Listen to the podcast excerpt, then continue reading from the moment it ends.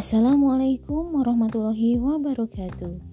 Sobat pendengar di mana pun Anda berada Jumpa lagi bersama saya Umu Zulfa di Lini Masa Radio. Kali ini kita akan membahas tema mengenai memancarkan kewibawaan pribadi.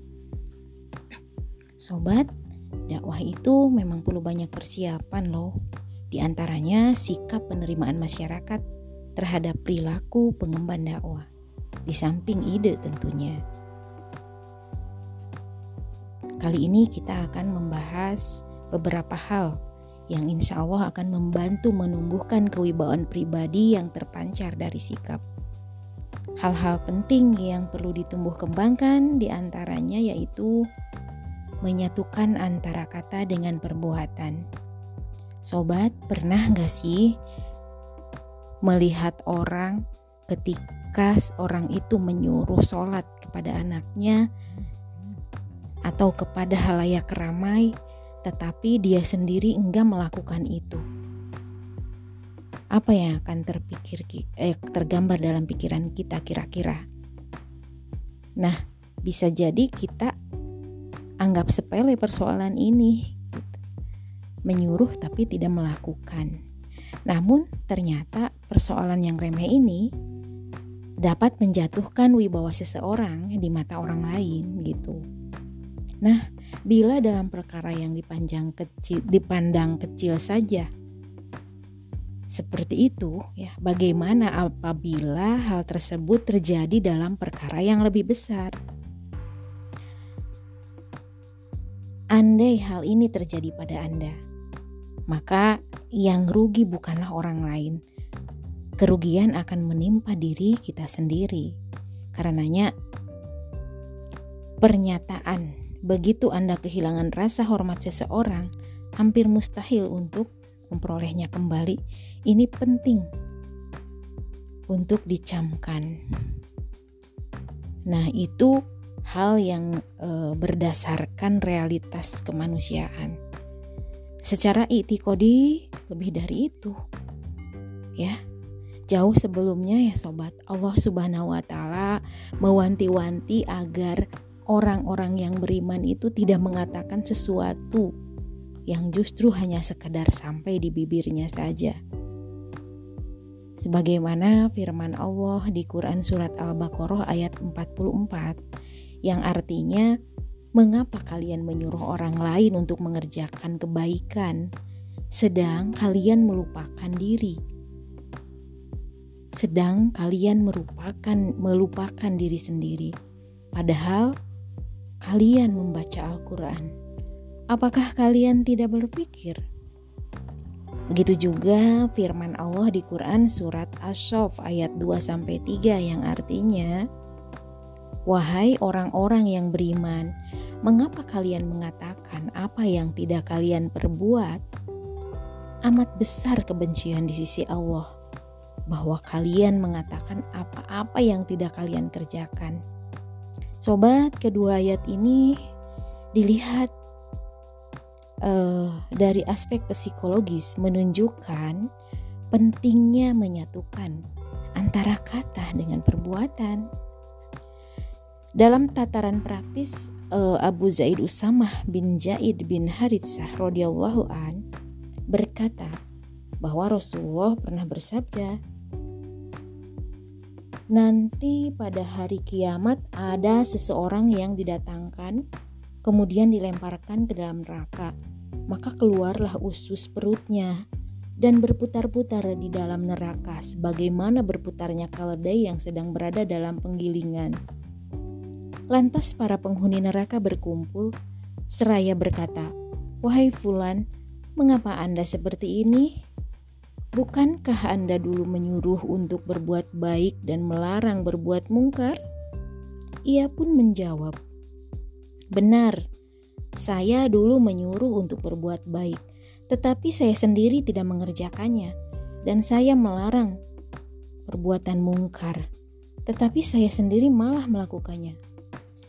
Nah, sobat, mengingat hal-hal tadi, seseorang pengemban dakwah dan seorang mukmin umumnya akan senantiasa menyatukan antara kata dengan perbuatannya. Saat itu menyatakan pentingnya berzikir, tafakur, dan membaca Al-Quran, ia pun berupaya untuk senantiasa berzikir, tafakur, dan membaca Al-Quran. Atau waktu ia mengemukakan untuk tidak memiliki sifat iri, dengki, uzub, atau ria, ia akan berupaya membersihkan hatinya dari semua itu. Nah, begitu pula ketika ia menekankan wajibnya mengemban dakwah. Ia akan berupaya keras untuk terus menjadi pengemban dakwah yang handal dalam setiap hal, dalam setiap keadaan, kata dan perbuatannya sama dan menyatu. Sebaliknya ya sob, kata yang bertentangan dengan perbuatan hanya akan menumbuh suburkan keterpecahan kepribadian juga mengokohkan sifat kemunafikan pada dirinya. Karena itu ya sob, perkataan yang baik harus menyatu dengan perbuatan yang baik.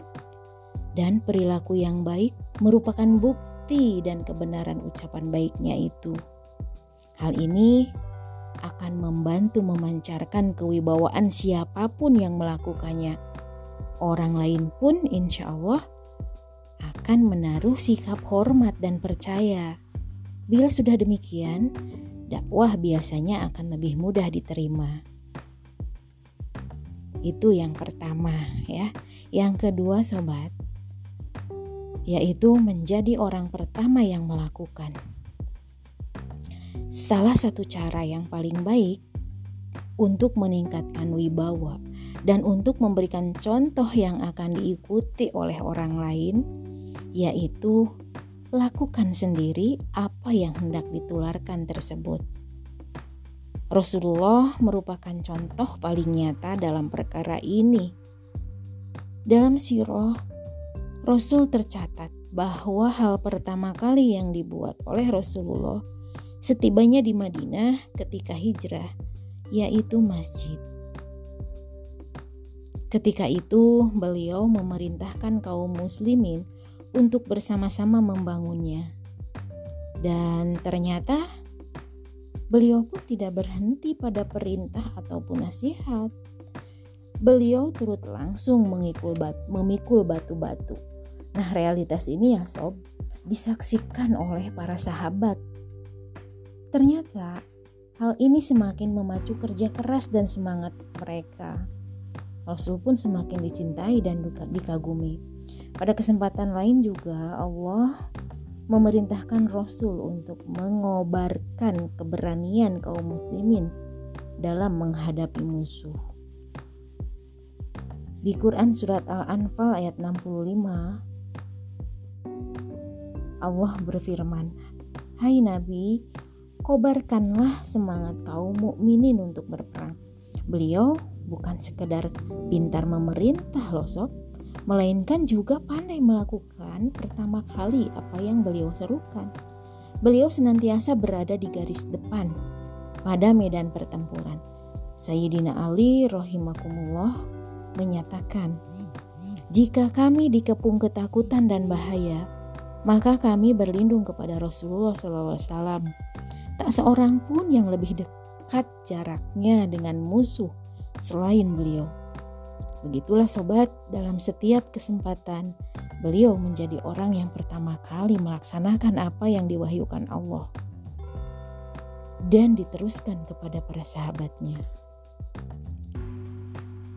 Camkanlah lidah perbuatan lebih tajam daripada lidah lisan. Memerintahkan dengan perbuatan, jangan hanya pintar memerintah tanpa berbuat jika Anda berupaya menjadi orang yang pertama melakukan perkataan yang Anda ucapkan, maka orang lain insya Allah akan mudah mengikuti dan semakin tambah kepercayaannya kepada Anda. Kewibawaan pun memancar, laksana cahaya. Pada sisi lain, Allah akan membalas perbuatan tersebut bila ada orang yang mengikutinya. Rasulullah SAW bersabda, Barang siapa yang mula pertama melakukan kebaikan dalam Islam, maka ia mendapatkan pahala kebaikan itu sendiri dan mendapatkan pahala orang-orang yang meniru perbuatannya itu tanpa mengurangi pahala-pahala mereka sedikit pun. Dan barang siapa yang mula pertama melakukan kejahatan dalam Islam, maka ia mendapatkan dosa kejahatan itu sendiri dan dosa orang-orang yang meniru perbuatannya itu tanpa dengan mengurangi dosa-dosa mereka sedikit pun. Hadis riwayat Imam Muslim. Karenanya ya sob, seorang pengemban dakwah akan terus berupaya menjadi orang yang pertama melakukan kebaikan yang diserukannya dan menjadi orang paling awal pula menjauhi larangan yang diserukannya. Bila tidak boleh jadi orang mencontoh Anda seperti ini. Ia hanya pandai bicara namun tidak bisa melakukannya, maka Anda akan menjadi contoh yang buruk. Alih-alih diteladani malah jadi bahan cibiran. Nauzubillahimin. Dua hal itu mungkin ya sob yang bisa menambah kewibawaan diri kita ketika berdakwah. Sekian dulu mudah-mudahan bermanfaat. Wassalamualaikum warahmatullahi wabarakatuh.